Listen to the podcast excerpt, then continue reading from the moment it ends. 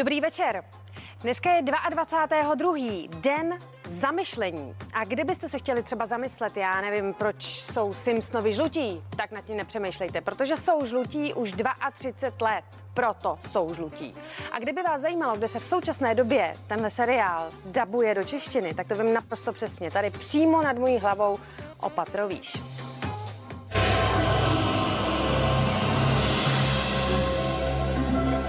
Česku se už od počátku kladl velký důraz na dubbing a bez českých hlasů si Simpsonovi asi těžko umíme představit. Poučení z historky je jasný. Marč se plete, ambice jsou blbost. Že to je takový upřímný, upřímný blboun, no, no, já nevím, jak by ho nazval. No, já, já jsem mu dost podobný v civilu teda. Co je na něm nejtěžší. Nejhorší je, když furt někam padá, ne? ty, ty zvuky a tohle, to, to je docela náročný. No. Se snažím, eh, aby ta Líza pořád, aby z ní bylo něco eh, s paní Štáchový, aby to prostě nebyla jenom Ivana Korolová. A kombinace mě a paní Štáchový je prostě pro mě pořád těžká. Mám z Marč v podstatě už 30 let radost. Já už jsem s ní tak zžitej, že vlastně uh, k ní přistupuji jako vlastně k, k mé vlastní matce.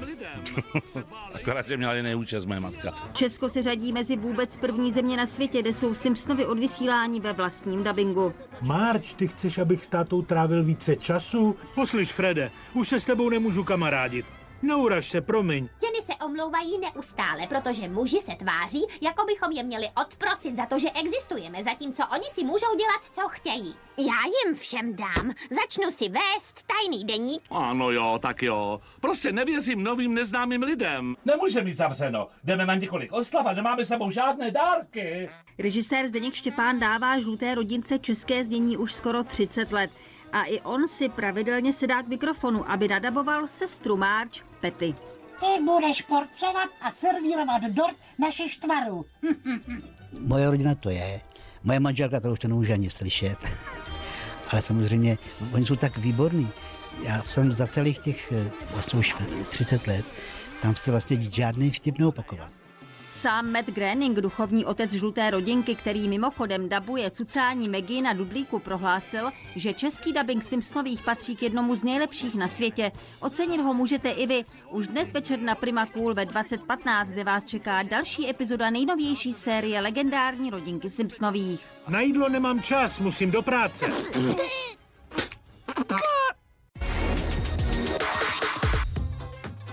Roli se herci musí naučit hodně věcí. O tom ví své herečka Kate Winslet. Tak kvůli filmu Avatar 2 podstoupila kurz volného potápění a dokázala zadržet dech na 7 minut. Přiznala ovšem, že při natáčení pod vodou měla pocit, že tam umře. Kdo se také málem zranil v živém vysílání je Richard Krajčo. Zpěvák chtěl fanouškům zaspívat písničku a krapet pod ním praskla židle. Yeah, yeah.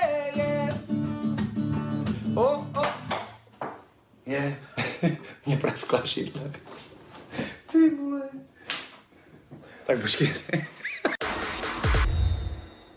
Pořad Jak se staví sen si prošel sám další proměnou. Některé prvky zůstanou, ale dost se toho změní. Jiný název třeba, jo? Bude se to jmenovat Postav si sen. A jiná pravidla, jak už název napovídá, stavět totiž bude i zainteresovaná rodina samotná. Největší změnou, se kterou přichází pořad Postav si sen, je, že do bytových proměn se nebudou zapojovat jen zkušení odborníci, ale i členové rodiny. Dostanou know-how a pak musí sami. Už to není jenom o nás, ale daleko víc jsme se rozhodli zapojit rodinu, takže rodina prostě vzala montérky a začala se víc účastnit celé té přestavby celý je to vlastně postavený na té rodině, že si vlastně sežene zedníky, instalatéry, elektrikáře a sama přiloží ruku k dílu, že proto postav si sem. Víte, na co budeme připíjet? No. Budeme připíjet na to, jak vy dokážete pomoct si vzájemně ve své rodině. Tak na to, jo? Ať to tam zůstane. Ano, je škoda. Dědo, vy mi dáváte. Samozřejmě každý ten příběh je trošku jiný. V některých rodinách je to opravdu reklama na rodinné štěstí a na to, že lidi si dokážou obrovsky pomoct v rámci rodiny. Někdy je ten příběh samozřejmě trošku smutnější. Jsou tam i lidé, kteří nemají takovou rodinu, nemají, kdo by jim chtěl pomoct, ale najdou se prostě kolem lidi, kteří jim prostě pomůžou. Prostě jenom proto, že chtějí pomoct. Ve stručnosti řečeno, partneři proměn dodají materiál, designéři nápady a vybraní účastníci si svůj sen společně postaví. Nově bude na vše jen 36 hodin. Jestli tento šibeniční limit zvládnou, se můžete přesvědčit večer o půl desáté. Lucka Vondráčková se stala součástí mezinárodního módního projektu a my se byli podívat na focení, při kterém se, až jako nebojím se říct, tají dech. Ani ne tak z toho, že byste vlastně možná Lucku ani nepoznali, ale ty kostýmy a převleky a celé to zázemí fakt krásný, takže jsme si jako mysleli, že byste to měli vidět. Lucii Vondráčkovou známe v mnoha podobách, ale jak jsme ji viděli dnes, Lucko, ty jsi byla úplně nová Lucka. Co se děje? Ne, my, my jsme šílený. S Olgou Rusakovou fotíme teďka už po třetí. A ona si vždycky vymyslí neskutečný scénáře a já ani se nechci vidět v zrcadle, protože oni ze mě udělají vždycky úplně jinou osobu, je tam úplně jiný příběh v celém tom focení a já jsem pak jenom zvědavá na ty fotky. Tady jde o to, že je několik nových projektů rozjetých a vy jste vlastně u zrodu jejich, takže, takže co z nich bude, je to takový paprsek a, ty paprsky vedou jeden k jednomu filmu novému, který budeme točit, jeden k jednomu videoklipu. Jak jsem jakoby rozkročena mezi, mezi zpíváním a hraním, tak, tak Olga tohle to skvěle mm, pochopila a velmi mi v tom pomáhá. Mě baví takový ty, ty zlobivý holky. Mě už uh, takový ty naivky, myslím že, myslím, že už jsem z nich odrostla pomalu. Oni se vždycky líp hrajou ty role takových těch trošku uh, chytřejších mrch. Jsi pak unavená po tom focení? Ne, ne, ne, ne. A mě říkala, uh, si pamatuju, paní profesorka Vavrečková na zpěv, tak mi říkala, Lucko, dobrý koncert se pozná tak, že chcete zpívat ještě další koncert, že vás to vůbec neunaví. Já bych teďka šla ještě fotit něco. Jak se cítíš ty sama nejlíp? Eh, já to teda tuším, ale... tak já myslím, že všichni asi, že, že pro mě je nejlepší mít džíny a volný triko. A ještě mám ráda, to se mě, to se mě hodně holek ptá, jo, že mám takový ty trika s tím volným a, a takhle přes jedno rameno, protože já nemám ráda, když jsou upnutý u krku, necítím se v tom dobře, takže když se mi líbí nějaký tričko, já si ho koupím, tak mu ustřihnu takhle celý ten vršek Nevím, možná teďka v 41, že bych to nějak měla jako zredukovat, ale, ale nevím, no. Hmm, nevím, jestli se mi to podaří. Uvažovala si, že někdy s postupem času by si podstoupila nějaké úpravy? No na postavě myslím, že člověk může zamakat sám, že to, no a obličej podle mě čím více do něj jako zasahuje, tím je to horší, takže, takže já ani nemíním začínat. Mohla by si klidně spletku nafotit akci. Uh, Šla bys do toho? ne, ne, když mi to nabízeli a bylo mi 25, tak eh, tehdy jsem do toho nešla, takže teď už vůbec bych to do toho nešla. Jsi sama se sebou spokojená, co se týče vizáže? Ne, vůbec ne. To snad není nikdo, ne. Neznám takovou. Já už vůbec nejsem se sebou sama spokojená. To já jsem, já jsem jednotka um, mm, zdokonalování všeho, protože mám pořád pocit, že všechno je nedostatečné.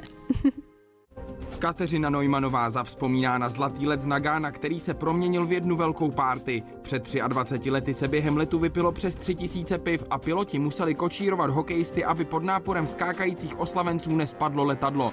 Jak vnímala legendární návrat slavná běžkyně, to se dozvíte zítra ráno v novém dní. Nenechte si ujít nový den, sledovat ho můžete od 7 hodin ráno na Primě a CNN Prima News.